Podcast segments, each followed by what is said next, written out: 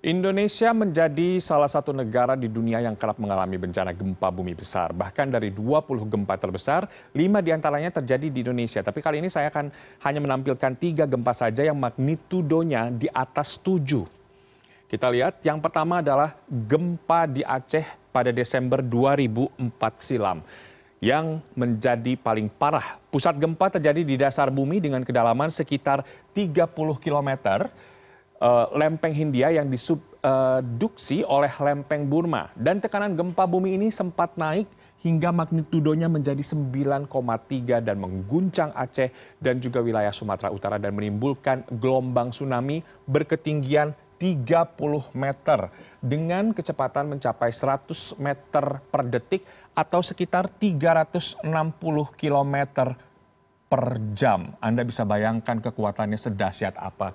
Dan kalau tidak salah uh, kurang lebih pada saat itu korban jiwa mencapai lebih dari 230 ribu jiwa. Dan daerah yang terdampak atas bencana dahsyat itu tidak hanya di Aceh, tetapi juga negara-negara sekitar Samudra Hindia, mulai dari Bangladesh, kemudian India, Malaysia, Maladewa, Myanmar, Singapura, Sri Lanka, hingga Thailand.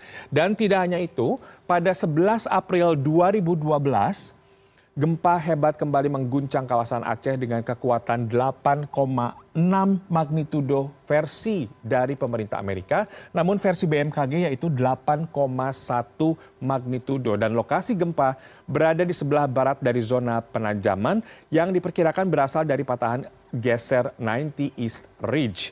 Dan selanjutnya kita akan lihat gempa yang juga berkekuatan besar yang menimpa Nias dan juga Bengkulu pada tahun 2005 tepatnya pada 28 Maret. Di Sumatera uh, Utara, kemudian Pulau Simele dan juga Nias. Gempa berkekuatan 8,2 versi BMKG. Ini uh, korbannya dilaporkan mencapai lebih dari seribu orang. Dan gempa juga terjadi hampir tengah malam, tepatnya pukul 23.00 waktu Indonesia Barat. Gempa ini bisa dirasakan hingga wilayah uh, Padang, kemudian Jambi, dan juga Pekanbaru. Dan bahkan juga hingga Kuala Lumpur, Malaysia. Sementara itu pada 12 September 2007, gempa besar dengan berkekuatan magnitudo 8,4 juga mengguncang Bengkulu. BMKG mengeluarkan peringatan dini tsunami pada saat itu dan gempa dahsyat itu dirasakan di Palembang, uh, kemudian Lampung, bahkan hingga di Jakarta. Nah, kalau kita lihat Indonesia itu berada dalam wilayah cincin api. Jadi gempa bumi di Indonesia yang kerap muncul disebabkan karena memang Indonesia terletak di wilayah Ring of Fire dan menurut National Oceanic and Atmospheric Administration atau NOAA, cincin api merupakan serangkaian 850 hingga 1000 gunung berapi yang membentang hampir 40.250 km sekitar Samudra Pasifik. Ring of Fire ini berbentuk tapal kuda seperti yang Anda lihat. Mulai dari ujung selatan Amerika Selat, uh, Amerika kemudian menuju ke uh, wilayah utara hingga ke Selat Bering di Rusia, kemudian melintas menuju ke Jepang hingga Indonesia dan berakhir di Selandia Baru. Indonesia sendiri sebenarnya terletak uh, dikelilingi oleh sesar aktif. Nah, ini sesar aktif yang berada di sepanjang selatan uh, uh, Pulau Jawa, Sumatera, NTT hingga naik ke atas Laut Banda. Ada sekitar 259 sesar aktif. Sesar itu di antaranya adalah yang pertama ada sesar Semongko, kemudian juga sesar uh, Mentawai, kemudian sesar uh, Palu Koro, kemudian sesar Sorong, kemudian sesar Lembang yang juga berdekatan dengan sesar Cimandiri, sesar Opak, dan sesar Kambing. Masing-masing sesar ini membentang sepanjang 109, uh, 1900 km.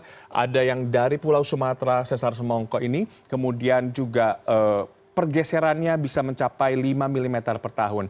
Untuk sesar Mentawai, kita lihat sesar Mentawai ini bergerak naik memanjang dari Kepulauan Mentawai ke utara menuju ke selatan. Kemudian ada juga uh, selanjutnya adalah sesar Palu yang uh, membentang dari uh, sesar Palu ini bergerak mendatar dan membelah Pulau Sulawesi dari Teluk Palu hingga ke Lembah Bone dan pergerakan sesar ini mencapai 30 sampai 44 mm per tahun. Tapi kalau kita melihat dari gempa Cianjur yang kemarin sempat dikatakan terkait dengan uh, pergeseran dari sesar Cimandiri namun juga ada yang mengatakan bahwa ini adalah uh, ada dua sesar baru yang terbentuk. Kita akan lihat seperti apa sebenarnya sesar uh, Cimandiri ini. Jadi kalau misalkan dilihat sesar Cimandiri adalah sesar salah satu sesar tua yang terbentuk pada masa di uh, tahun beberapa ribu tahun yang lalu. Dan untuk sesar Cimandiri ini terkait penyebab uh, masih jadi penelitian pakar kegempaan untuk gempa di Cianjur.